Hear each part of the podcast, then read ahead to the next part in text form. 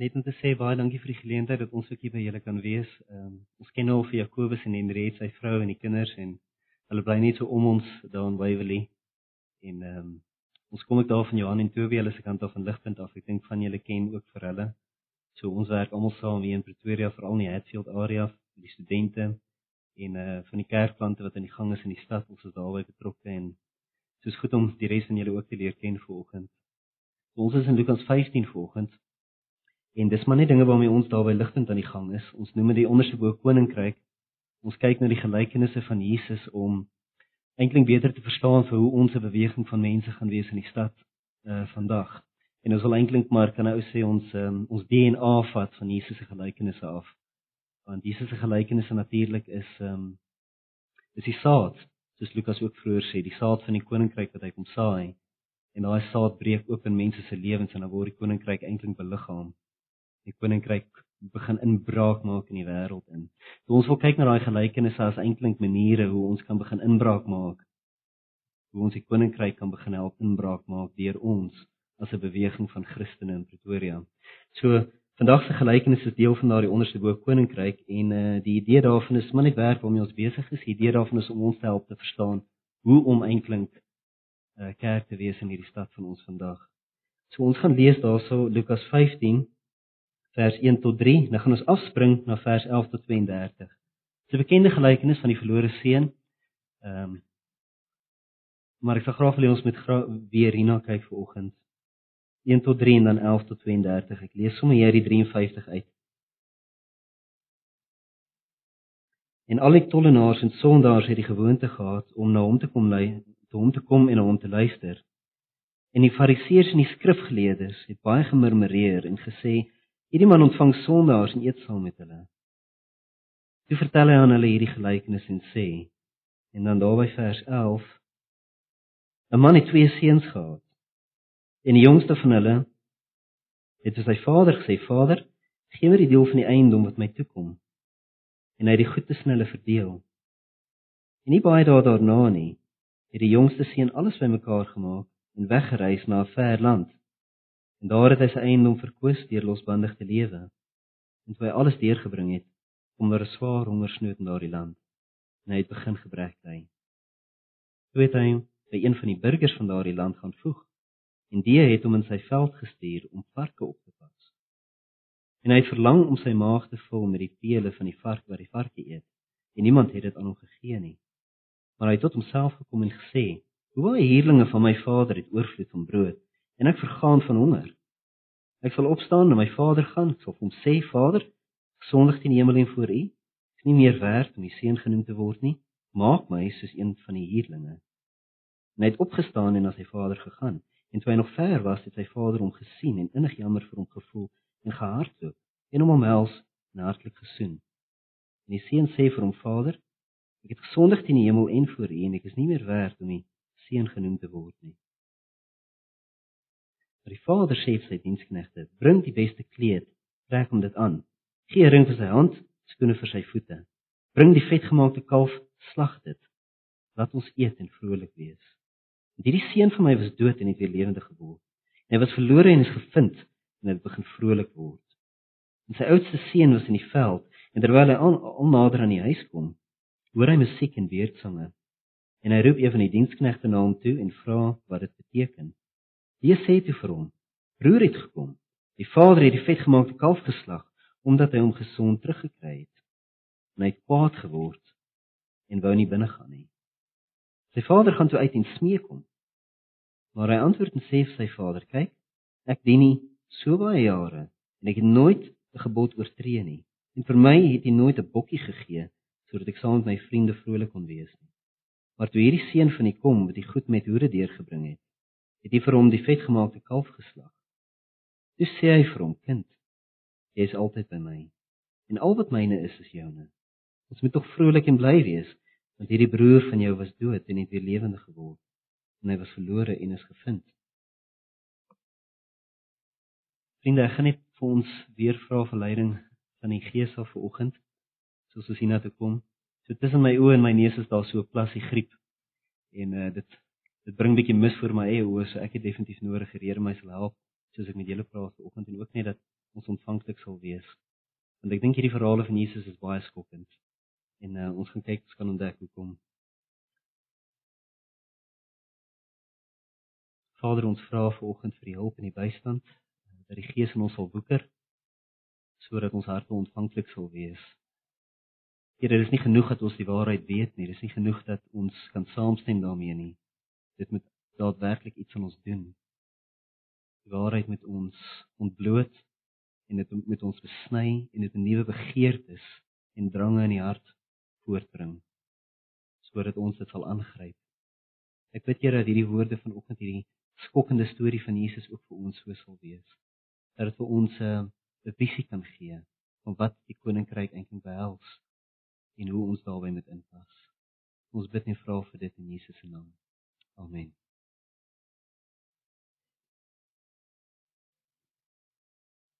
So net om te begin vanoggend wil ek julle net 'n bietjie vertel van ehm um, die Amerikaanse oorlog in Vietnam 1964.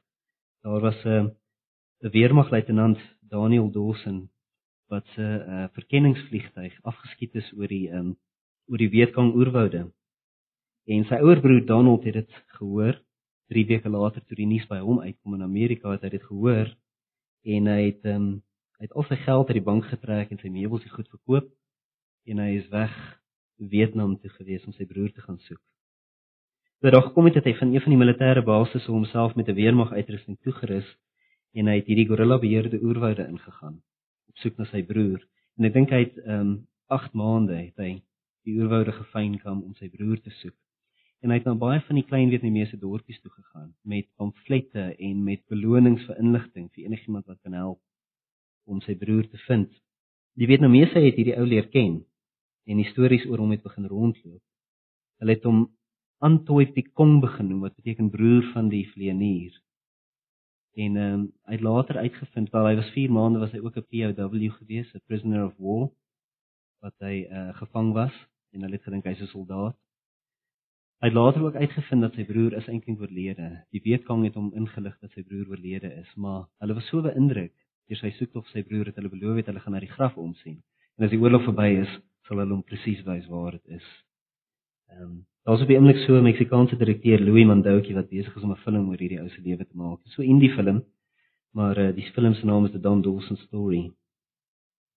Nou net om te vra, hoekom word sulke stories onthou? Hoekom word dit oorvertel? Hoekom het die Vietnamese 'n naam gekies vir hierdie ou sodat hulle die storie van hom oor en oor kan vertel? Ek dink is omdat dit eintlik 'n rare ding is. Eintlik 'n rare ding vir enigiemand om so ver te gaan vir iemand anders. Selfs vir 'n broer Dis iets wat ons soos 'n diamant optel, ons sit dit daar bo, ons sit dit soos 'n ideaal in ons samelewing en sê dit is hoe ons samelewing eintlik moet wees. Maar meer as dit is nie net 'n mooi ideaal nie, dis ook 'n ding wat eintlik bietjie ons grense oopbreek. Dis 'n ding wat so bietjie oor die gemaksones beweeg. Dis 'n ding wat eintlik ons grense bietjie uitskuif. Wat die boksie waarin ons leef so bietjie skud. En ons laat besef daar is 'n groter prentjie.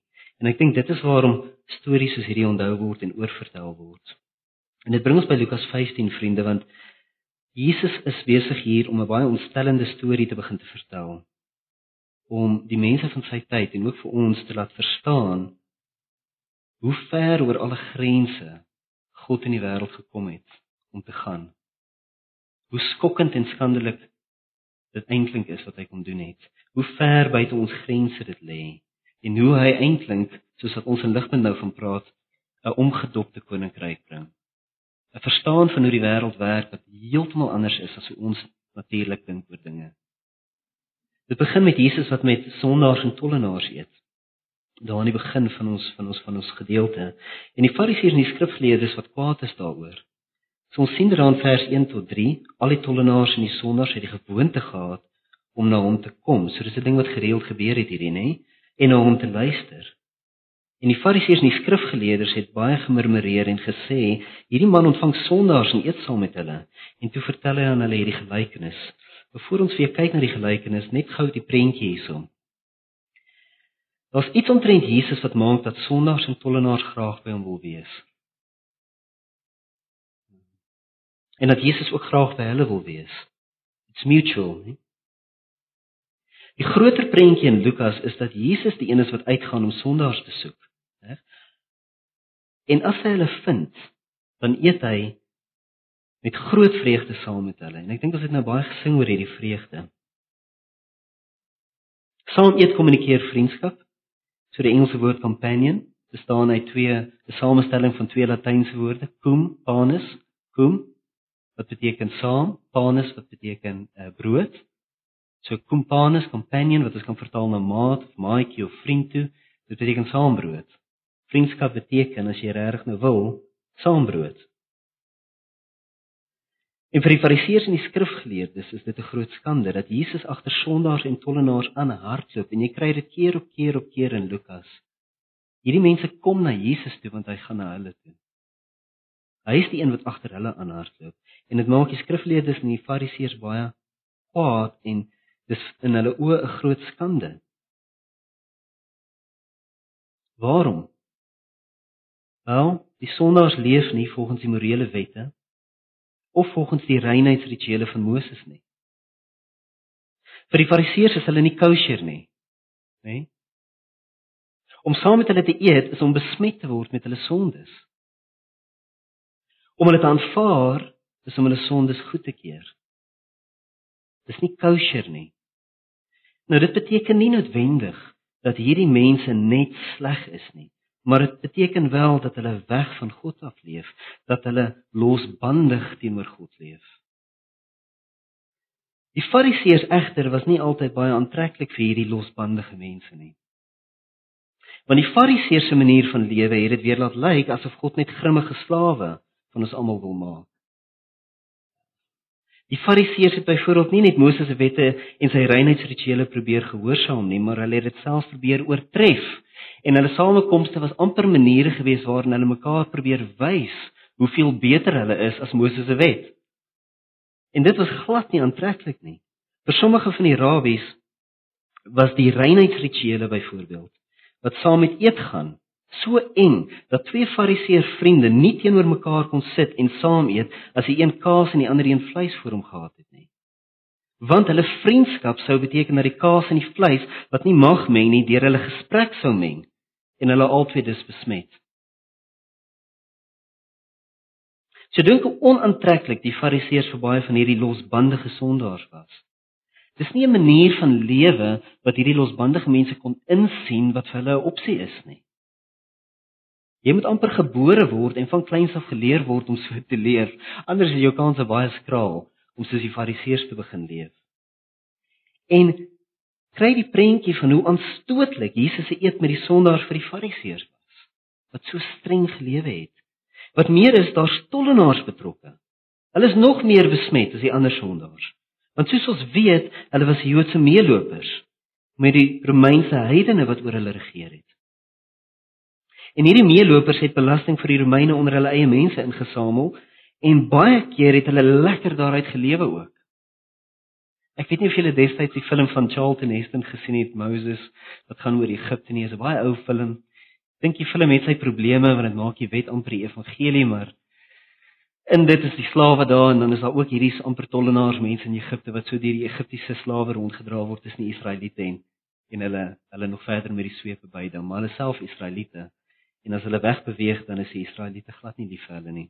Die tollenaars in Jesus se tyd was baie soos hierdie ouens gewees. Hulle was meelopers met die Romeinse ryk en hulle was redelik gehaat deur hulle eie mense. Jy kan maar sê hulle is die rot in die kombuis. Niemand hou van 'n rot in die kombuis nie. Tydens die Tweede Wêreldoorlog het menigte Jode in die Duits geokkupeerde Pole in die Warsaw Ghetto beland. Daar was Joodse meelopers in die ghetto wat die Duitsers gehelp het om orde te handhaaf en om komplotte uit te snif. Israel Shahak was een van die Joodse oorlewendes wat vertel het van die verskriklike slagting van baie van hierdie meelopers in die ghetto deur hulle eie mense soos hulle ontdek was. Daar was nie genade aan hierdie mense betoon nie. Selfs hier in ons eie land het baie van die Afrika meelopers wat saam met die ou apartheid regime gewerk het, hulle lewens verloor soos hulle mense hulle ontdek het en in bande aan die brand gesteek het. sien Jesus is nie besig hiersom met ietsie ligtliks nie. Jesus is besig om 'n baie gevaarlike speletjie te speel hier. Deur met die tollenaars en die sondaars te eet. Hy's besig om te krap Jesus gaan soek en hy vind en hy eet met tollenaars en sondaars. Hy doen dit in die publiek waar die wye wêreld dit kan sien. Die Fariseërs staan op 'n afstand en hulle murmureer teen hom. Ons weet die murmurering gaan later meer oortreffend raak, nê? Nee? Soos wat hulle hom gaan navolg. En Jesus gaan uit na hulle. sien in die wat hier aan die gang is, nou soos hulle murmureer, gaan Jesus uit na hulle toe en hy vertel hulle 'n storie wat al hulle grense gaan oorskry en hulle hele wêreld gaan omdop met dit waarmee hy eintlik nou besig is. Soos wat hy eet met die tollenaars en die sondaars. So kom ons gesels 'n bietjie oor die storie vers 11 tot 32. Dit begin aan vers 11 met 'n man wat twee seuns gehad het. Van vers 12 tot 24 lees ons dan eers oor die jonger seun se verhouding met sy pa en dan vers 25 tot 32 lees ons dan oor die ouer seun se verhouding met sy pa. En Jesus is besig om die storie hoofsaaklik aan die Fariseërs te vertel, maar natuurlik die sondaars en die tollenaars is ook daar agter hom. So kom ons gaan begin dan met die jonger seun se verhaal. Vers 12 tot 13 en die jongste van hulle van die twee seuns nou nê, het vir sy vader gesê: "Vader, gee my die deel um, van die eiendom wat my toekom." En hy het die goed tussen hulle verdeel. En nie baie dae daarna nie, hierdie jongste seun alles bymekaar gemaak en weggereis na 'n ver land en daar het hy sy eiendom verkoos deur losbandig te lewe. So, dis klaar skokkend dat die jongste seun eers in die storie praat. Maar waar hy praat, is 'n groter skok vir Jesus se gehoor, nê? Enige Midde-Oosterse seun wat sy erfporsie vra terwyl sy pa lewe, wen sy pa natuurlik dood. En hy verklaar homself tot 'n mate ook dood tot sy eie familie want hy daardeur sê hy dit gaan vir my oor my, gaan nie vir my oor julle nie. En die skande daarvan is groot in die kultuur. Hulle was nie so individualisties soos ons is vandag nie. Die storie wat Jesus so ver vertel is uiters skandelik vir sy eie gehoor. 'n Midde-Oosterse pa kan tradisioneel net op een manier reageer. Hy moet sy seun dit weier en hy moet hom wegjaag verkieslik met 'n sweep in die hand sodat almal kan sien, kyk, dis hoe dinge hoort. Die skande kan herstel word as die ouer seun intree tussen die pa en die jonger seun handel om dinge reg te stel. Want die skande is te groot, so dan moet 'n middelaar wees.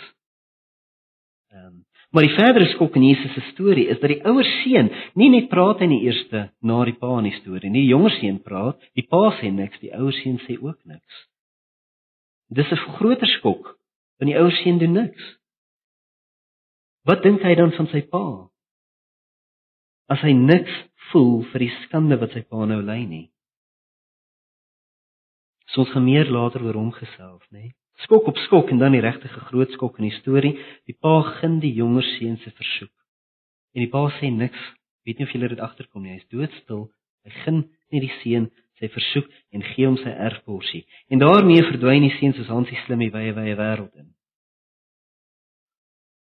Paar opmerkings gou hierso. Wanneer Jesus in vers 13 noem dat die jonger seun sy erfporsie in 'n ver land gaan verkoos het deur losbandig te lewe, is die punt wat hy wil maak nie hoe sleg die seun gaan leef het nie. Die ouer broer later in die storie gaan sê, "Ja, hy het al hierdie goed met hoerery en sulke goeders gaan spandeer." En is nie maklike taal om oor te praat nie. Maar die ouer seun natuurlik soos baie keer die geval is, kleer dit bietjie in. Veral omdat hy nie weet wat regtig in die jonger broer se lewe aangaan nie. Maar ja, wat ons wel weet hierso is dat die jonger broer is in die wye wêreld in en hy sy uh, erfporsie gaan verkoos deur losbandig te lewe, wat dit ook al behels, ons word nie vertel presies nie. Maar die punt wat Jesus wil maak is nie om te sê hoe sleg hierdie jonger seun gaan leef het nie, maar eerder oor hoe verlore hy gaan leef het. Jy sien ons dink alles woord in terme van goed en sleg. Daar's 'n meer onderliggende ding wat Jesus hier probeer aanspreek. Die seun het verlore gaan leef.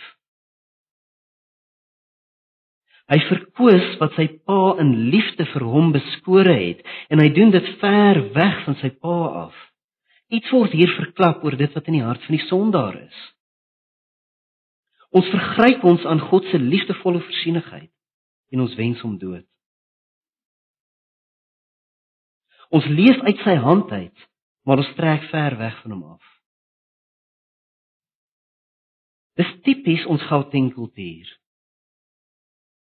Ons soek die wêreld op ons eie terme, ons jaag na dit wat ons wil hê en dan roem ons in onsself vir dit wat ons bekom en dit als is met wat God voorsien het aan ons en dan minag ons hom en ons roem daarop.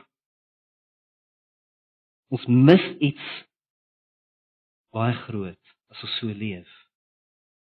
Ons dink om uit God se hand te leef en dan te maak asof hy nie bestaan nie, is sommer net 'n vrye keuse waarop ons geregtig is. Maar dit is nie so eenvoudig nie. Daar is 'n verhouding betrokke. Daar's 'n verhouding. Dis 'n skandelike ding om God se seënings te geniet, losbandig daarmee te leef en om dood te wens in die proses. Dis 'n skandelike ding want dit maak 'n diepgaande verhouding tussen God en mens goedkoop. 'n Liefdesverhouding word goedkoop gemaak. Dis die jonger seun. Jesus raak sy hart aan. Maar wat van die Vader? Hy's nie 'n tipiese Midde-Oosterse pa nie. Hy oortree die grense in sy optrede teenoor sy seun. Jesus is besig om 'n nuwe prentjie van 'n pa hier te skets, een waarmee die kultuur van sy gehoor nie vertroud is nie. Jesus se prentjie van die pa gaan later in die storie tot sy volle reg kom, maar alreeds hier sien ons die pa se lydende liefde vir sy seun. Hy jaag hom nie weg nie. Maar hy verdra die seun se verwerping. Nê? Nee, met al die skande wat dit oor hom bring, verdra hy sy jonger seun se verwerping. En hy gun hom sy erfporsie in die verland weg van hom af. Die hele klein Midde-Oosterse dorpie waarin die pa en sy twee seuns tussen die weier familie en vriende sou woon, sou beslis die jonger seun verwerp het as gevolg van die skande wat hy oor sy pa bring. Want dit skeer hulle hele manier van lewe uitmekaar uit. Dis dalk hoekom die seun so vinnig weg is. Jy sal sien in die storie, die seun is redelik vinnig weg. Ek dink dit is as gevolg van die die die weier gemeenskap. Laat daardie seun durf terugkom as wat die dorpie sou sê. Maar die pa self doen dit nooit nie. Dis 'n bekende sê ding dat die seerste seer verwerpte liefde is. 2 Petrus 3 vers 9 leer ons: Hy wat God is, is lankmoedig oor ons. Hy verdra ons in verwerpte liefde. Die seun leef losbandig ver van sy pa af, maar hy besef nie dat hy steeds in sy pa se lydende liefde leef nie. Sy pa se liefde is steeds met hom. Dit bring ons by die volgende toneel waar die seun in skielike benoudheid 'n plan moet beraam, maar hy gaan ontdek dat sy pa 'n veel groter plan het. En dis die plan waarmee Jesus besig is. En dis wat ons wil ontdek. So kom ons kyk daarna, verse 14 tot 24. En toe hy alles deurgebring het, kom daar 'n swaar hongersnood na die land en hy het begin gebrek ly. Toe het hy hom by een van die burgers van daardie land gaan voeg en die het hom in sy veld gestuur om varke op te pas en hy het verlang om sy maag te vul met die pele wat die varke eet en niemand het dit aan hom gegee nie. Maar hy het homself by homself gekom en gesê hoe baie huurlinge van my vader het oorvloed van brood. Ek vergaan van honger. Sal opstaan en my vader gaan. Ek sal vir hom sê vader ek het gesondig teen die hemel en voor u. Ek is nie meer werd om die seun genoem te word nie. Maak my soos een van die huurlinge en hy het opgestaan na die vader gegaan. En toe hy nog ver was, het sy vader hom gesien, innig jammer vir hom gevoel en gehardloop en hom omhels en hartlik gesoen. En die seun sê vir hom: "Vader, ek het gesondig teen die hemel en voor U. Ek is nie meer werd om U seun genoem te word nie." Maar die vader sê vir sy diensknegte: "Bring die beste kleed, trek hom dit aan. Gee ring vir sy hand en skoene vir sy voete. Bring die vetgemaakte kalf en slag dit en laat ons eet en vrolik wees, want hierdie seun van my was dood en het weer lewendig geword en hy was verlore en is gevind en hulle het begin vrolik word." Die seun se verlore toestand kom nou duidelik na vore in die eerste deel van hierdie toneel nê? Nee? In die ver land verloor hy als en dan is daar nog die hongersnood ook. Die punt van die hongersnood in die storie is om die toestand van die seun te ontbloot. In die Midde-Oosterse kultuur was hongersnood tye waarin families saamtrek. Maar in die ver land toe als weg van die hongersnood kom, het niemand vir hom omgegee nie. Wat hoor Jesus se gehoor? Hierdie seun het nie 'n familie nie. Hy's verlore is 'n man sonder 'n tuiste. Vriende, ek dink nie hierdie seun het die huis verlaat met die oog daarop om alles te gaan verloor nie. Hy het waarskynlik soos meeste van ons maar maak vertrou op homself, sy eie kop vol eie begeertes maar gevolg. Dis losbandig leef. Dis nie om die slegste mens te wees wat jy kan wees nie. Dis net om jou eie begeertes in jou eie kop te volg en om wat te doen wat jy dink is reg. Ek dink dis min of meer hoe hierdie seun geleef het. Ek dink ook nie hy het trek gehou met die tragedies wat die lewe mag bring nie. Maar die lewe is groter as ons. Ons tuiste by God is nie 'n goedkoop ding wat ons sommer maar in die wind kan gooi nie. Ons het tuiste met God meer nodig as wat ons dink. Hoekom gaan die seun nie net huis toe nie? Wel, as hy skande vir sy pa, nie net het hy hom verwerp nie, maar hy het nou sy erfporsie ook verkwis. Hy was selfsugtig en hy was 'n dwaas. Dalk ook die skande vir sy ouer broer, die disse erfporsie by sy pa genou miskien ook vir hom moet help dra. Hy gaan bietjie byt aan sy broer se appel. Waarskynlik ook die skande vir die weier familie en die dorpie waar sy pa woon. So in daardie kultuur is dit een ding om met 'n erfporsie te verdwyn. As jy dan nog durf terugkom sonder dit, is daar geen manier wat die dorpie jou gaan aanvaar nie. Alhoewel baie van hierdie mense geboor het en so, het hulle 'n keer in klein dorpie saam gewoon, redelik op mekaar ook. So hierdie ding vind in die publiek plaas. En dis 'n ding wat ons miskyk. Die storie wat Jesus hier vertel, is nie 'n storie van 'n plaasboer met sy twee seuns al deur op 'n heuwel nie. Dis iets wat in die midde van die gemeenskap gebeur. Dis publiek, net soos die feit dat hy saam met die sonders en die tollenaars eet vir almal. Dis 'n publieke ding wat hier aan die gang is. So, daar's skande vir die dorpie. En as jy sou terugkom sonder 'n erfborsie wat jy gaan verkoos het, is daar tipiese ding gewees, 'n publieke seremonie wat sou gehou geword het deur die weier familie wat hulle ketsatsa noem. Ketsatsa klink soos 'n swaard oor die kop, nê. Nee. Ketsasa seremonie waarin hulle koringhale en sare en goed in 'n houer sit en hulle breek dit in die in die midde van die dorp en sê dis jy, jy's uit. Gaan. Jy word ontbloot deur die weier gemeenskap en jy word verwerp. So vir hierdie seun om by sy pa se tuiste te kom, gaan hy waarskynlik al op pad daarheen deur die dorpie se mense ontmoet word. So hy maak 'n ander plan. Hy gaan werk vir die heiden en pas sy varke op. Was Jesus se storie 'n film, het sy gehoor na uit die teater begin stap. 'n Joodse seun wat sy pa en familie verwerp, sy erfporsie verkoos in 'n heidense land met hongersnood ver van sy tuiste. Hierdie seun gaan nou nog verder en pas die heidense varke op. Jy sien wat Jesus besig is om te doen. Hy is besig om hierdie seun so ver te begrawe waar niemand in sy gehoor hom sal kan kry nie. Die seun is verby al die grense van Jesus se gehoor. Hulle voel soos die hobbits in die Shire wat hoor van die draak in sy berg daar in 'n ver ver land. Niemand gaan sien toe gaan nie. Dis waar Jesus hierdie seun gaan sit. By die draak se voete. En ook vol, die seun se plan werk nie. Die hongersnood bly en niemand gee hom niks nie. So hy bring hom weer 'n plan. En hierdie plan gaan die Fariseërs opgewonde maak, want dit klink soos iets wat hulle sal doen. Vers 17 vertel, maar hy het tot homself gekom. Vriende, hierdie is nie die seun wat tot bekering kom nie. Hierdie is die seun wat nog 'n plan beraam. Jesus kies sy woorde baie mooi. Dit dra die teenoorgestelde gedagte as die gedagte van Psalm 23. Dit is nie die gedagte van God wat my bring tot homself nie. Dit is die gedagte van ek wat my bring tot myself.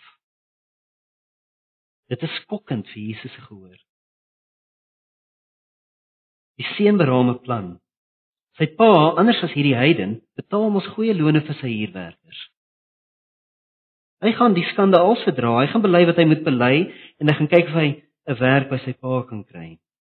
Die hartslag van sy plan is aan die einde van vers 19. Maak my soos een van die huurlinge. Dis wat hy soek. Ek wonder of ons kan sien dat hy besig is om die verkeerde ding te soek. Hy soek 'n werkgewer. Hy het nog steeds nie 'n pa gevind nie. Maak hy soos een van die huurlinge.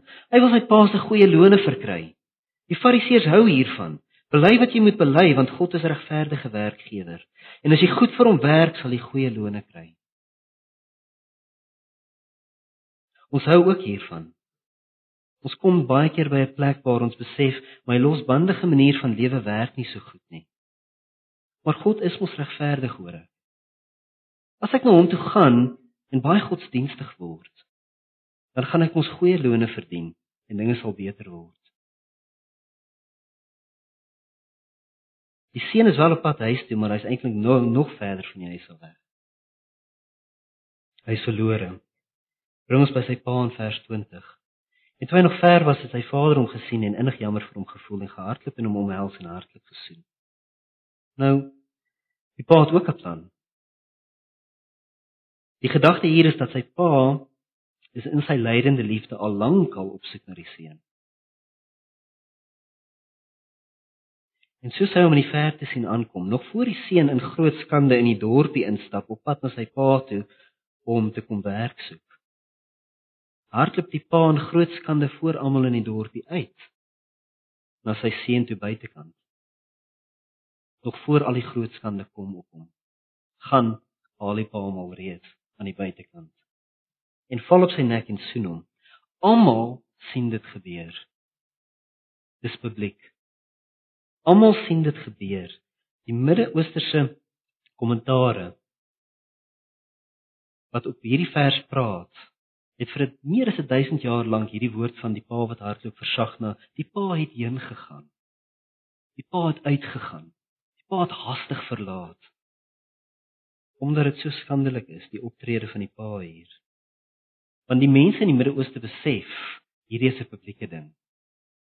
Die pa doen dit doelbewuslik voor die hele dorpie. Soos wat hy deur die dorpie hardloop om sy seun buite te gaan haal, kan jy sien hoe almal oor die uh almal uit hulle erwe uitkyk. Wat gaan hier aan? Waar is die op pad? Wat 'n nar is hierdie? En hulle sien die toneel eintlik afspeel. Dis veronderstel om aandag te trek. Die pa se optrede in die kultuur is skandelik verby. It's an attention grabber, né? Nee?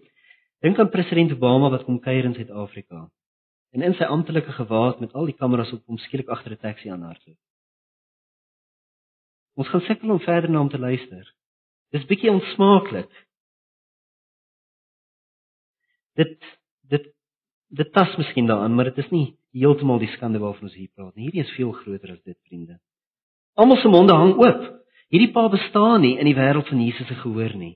Tog hier is Jesus in Lukas 15 besig om presies dit te doen. Om agter die sondaars en die tollenaars aan te hardloop en groot skande oor sy pa te bring. Ons sien ook die impak van dit wat die pa doen op die jonger seun. Moet dit nie mis nie in vers 21. En die seun sê vir hom: "Vader, ek het gesondig teen die hemel en voor U en ek is nie meer werd om U seun genoem te word nie." Punt. Waar is sy plan om werk te vra? Wat het hierdie seun ervaar en gesien en beleef wat hom laat stop op daai punt? Ons is nie nou meer besig met die seun se plan nie, vriende. Iets het gebeur. Ons is nou besig met die pa se plan.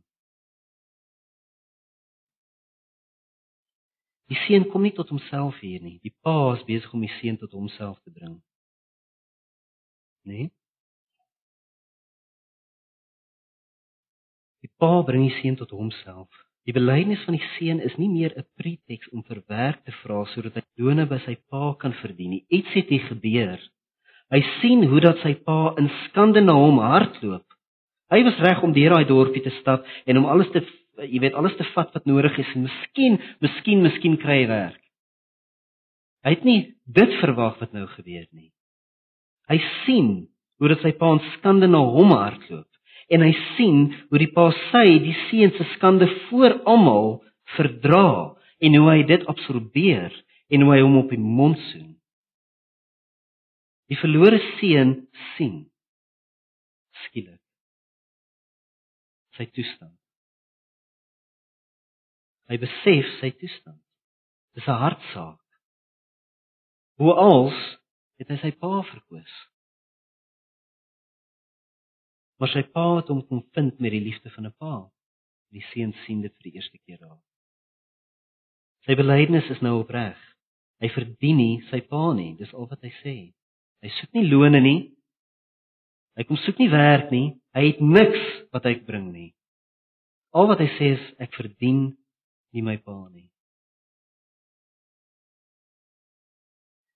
En dit bring ons by wat die pa nou weer verder doen. Die pa staan nie terug nie sien. Die seun het niks. Ek verdien nie my pa nie, maar die pa het nou net eers begin. Verse 22 tot 24 met die vader sê sy diensknegte: "Bring die beste kleed, trek hom dit aan, gee ring vir sy hand, skoene vir sy voete, bring die vetgemaakte kalf, slag dit, laat ons eet en vrolik wees, want hierdie seun van my was dood en het weer lewendig geword." En hy was verlore en is gevind en hulle begin vrolik word. Vriende, weer eens die pa hier is besig met 'n publieke ding. Die vetgemaakte kalf beteken die hele dorpie met al sy 200 mense word geroep. Dis wat die vetgemaakte kalf beteken. Dit beteken almal op hierdie dorpie is hier by hierdie fees. Hy wys vir almal. Wys hulle wat? Kyk, ek het hierdie verlore seun gevind en ek het hom gesoen. Sy skande het ek verdra en ek het dit verslind. Ek beklee hom voor julle almal met my eer. Laat een in hierdie dorpie nou durf om 'n ketsatsa seremonie te hou. Laat iemand durf om 'n klag te bring. Ek het gepraat. Dis waarmee die pa nou besig is. Hy is besig om te verkondig wat hy gedoen het. Die feesmaal gaan oor die pa se daad vir die kind. Dit eindig met almal wat vrolik word ter ere van hom. Die seun word nou deur almal aanvaar ter wille van sy pa. En dit is wat Jesus doen. Hy hardloop in skande agter die sondaars en die tollenaars aan, net soos die Pa. Jesus sê vele kere in die evangelies, ek staan in die skoene van my Pa. As jy my Pa wil leer ken, kyk na my, want ek doen wat hy doen.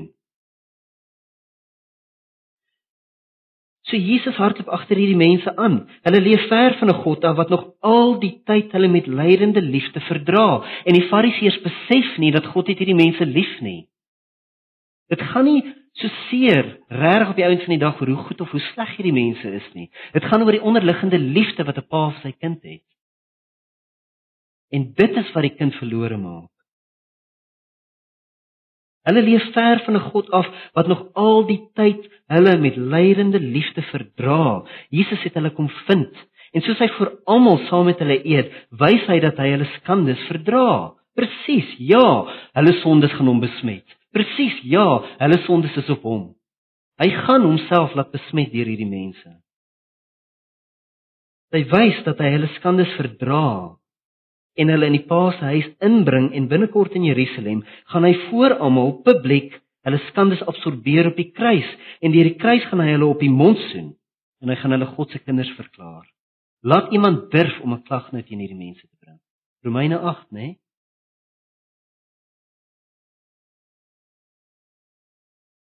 Maar klagte bring is juist wat die fariseërs op afstand staan en doen. En dit bring ons by die ouer broer, nê? Verse 25 tot 32. Sy oudste seun was in die veld en terwyl hy al nader aan die huis kom, hoor hy musiek en beerdsange. En hy roep een van die diensknegte na hom toe en vra wat dit beteken. Die sê toe vir hom: "Die broer het gekom en die vader het die vetgemaakte kalf geslag, omdat hy hom gesond teruggekry het." En hy het kwaad geword en wou nie binne gaan nie. Sy vader gaan toe uit en smeek hom, maar hy antwoord en sê vir sy vader: "Kyk, Ek dien nie so baie jare en ek het nooit die gebod oortree nie. En vir my het hy nooit 'n bokkie gegee sodat saam my vriende vrolik kon wees nie. Maar toe hierdie seun van u kom wat hy goed met hoere deurgebring het, het u vir hom die vetgemaakte kalf geslag. Toe sê hy vir hom kind. Net gou op daai woord kind. Daardie woord kind daar's as jy wil die teenoorgestelde van die woord wat 'n kind vir sy pa sal sê as hy sê Abba. Né? Nee? Papa. Hierdie is die teenoorgestelde van daai woord. Hy sê kindjie, kind, jy's altyd by my. Al wat myne is is jou. Jy gaan niks verloor nie. Iemand is besig om jou in te doen nie. Ons moet tog vrolik en bly wees want hierdie broer van jou was dood en het weer lewendig geword en hy was verlore en is gevind. En ek dink daarin lê 'n uitnodiging vir die ouer broer, nê. Nee. Die ouer broer kom van ver langs aan. sien jy hoe herhaal die storie van die ouer broer en die jonger broer? Hy kom van ver langs aan. Soos hy hoor wat aan aangaan, steek hy vas. Die verslag wat hy ontvang dat die pa sy jonger broer teruggekry het, gesond teruggekry het. OK, dis nie so goed vertaal daarin nie. Die idee hier is nie dat die vader passief gesit het en hy sy seun gesond teruggekry nie. Die idee is eerder dat die pa die jonger seun in Shalom in die huis ingebring het.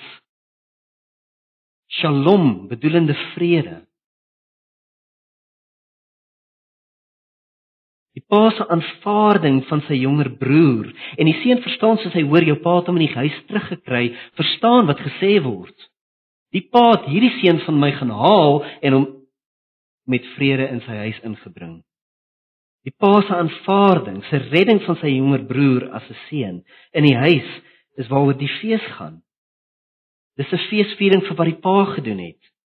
En dit is waaroor die ouer broer kwaad raak en hoekom hy weier om in te gaan.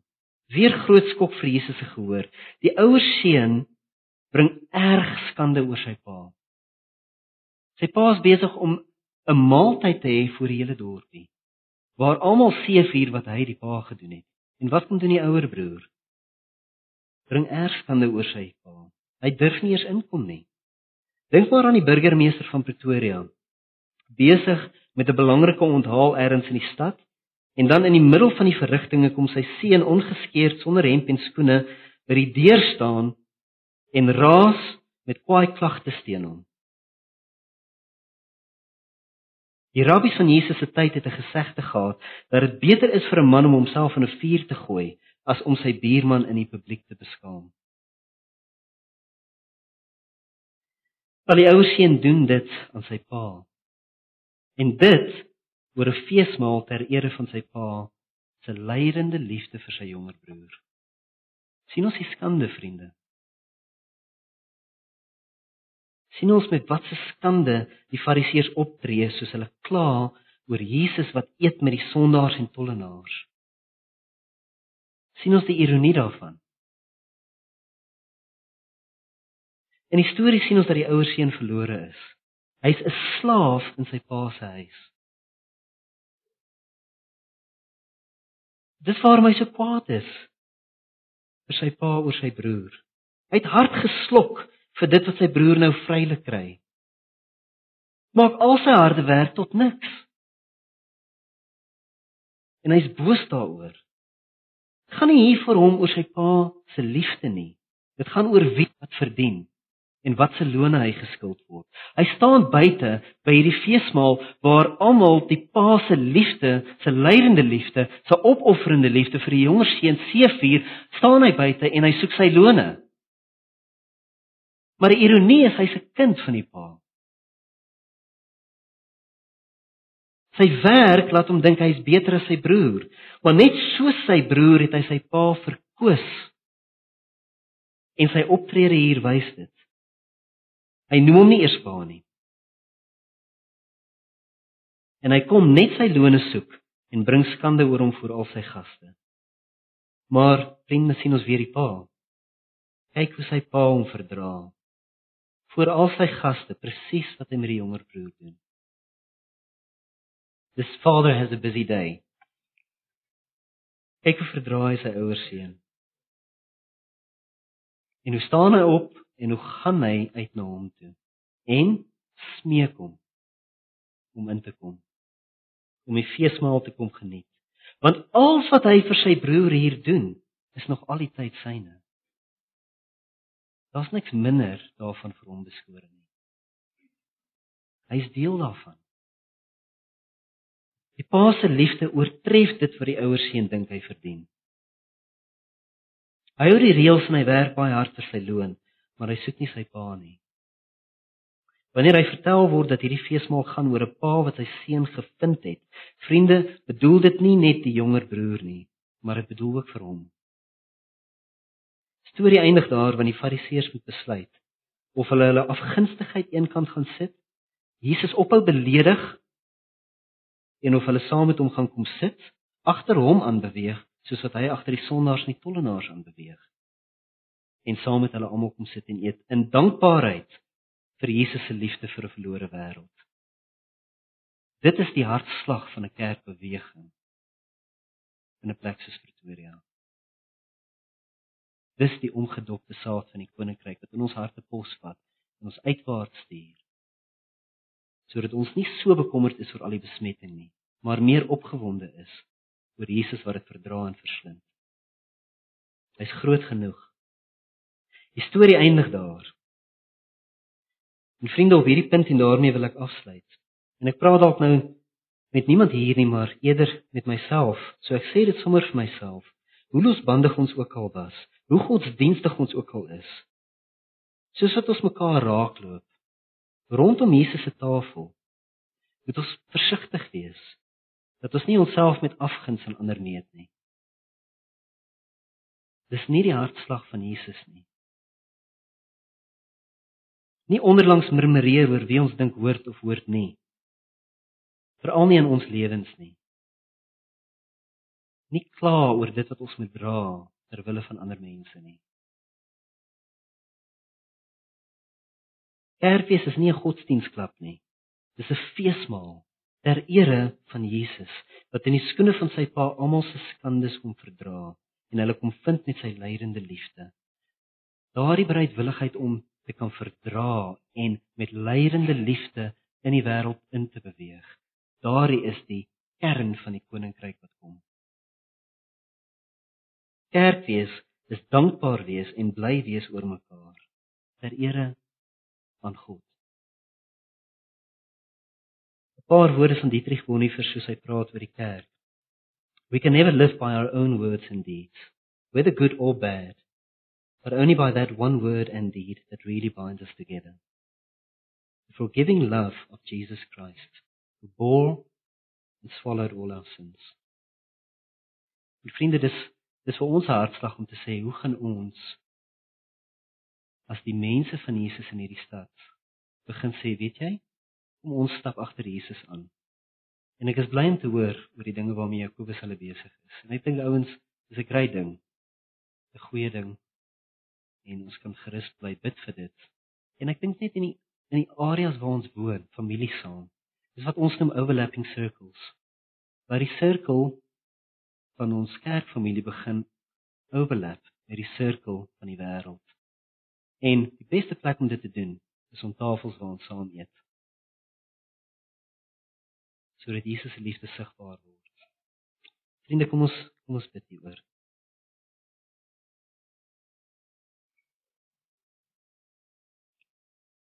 Vader, dankie vir hierdie ehm um, skokkende verhaal aan ons, hierdie storie wat Jesus vertel. Natuurlik het Jesus hierdie storie vertel soos wat hy hulle ook gewys het, die Fariseërs en die tollenaars en die sondaars, soos hy dit uitgeleef het in hulle midde het hy hierdie storie vertel en ons almal in hierdie storie ingetrek. Vader, hierdie is die storie van die koninkryk.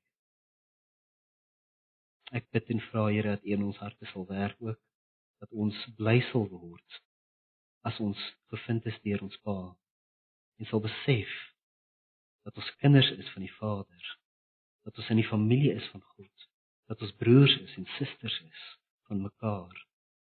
Here breek hierdie gees in ons wat probeer lone trek en probeer kyk wie die meeste lone kry. Sitplekke van eer soek. Vader gee vir ons die hartklop van Jesus. Wat die lydende liefde van sy Pa goed verstaan het. En ons sien hierso hoeveel hy verdra. Gee ons vertroue in hom dat hy die sondes van die wêreld kan dra en kan verslind. Sodat ons nie sal bang wees om met sy hart uit te gaan nie. Vader, ons vra vir hierdie dinge in Jesus se groot naam. Amen.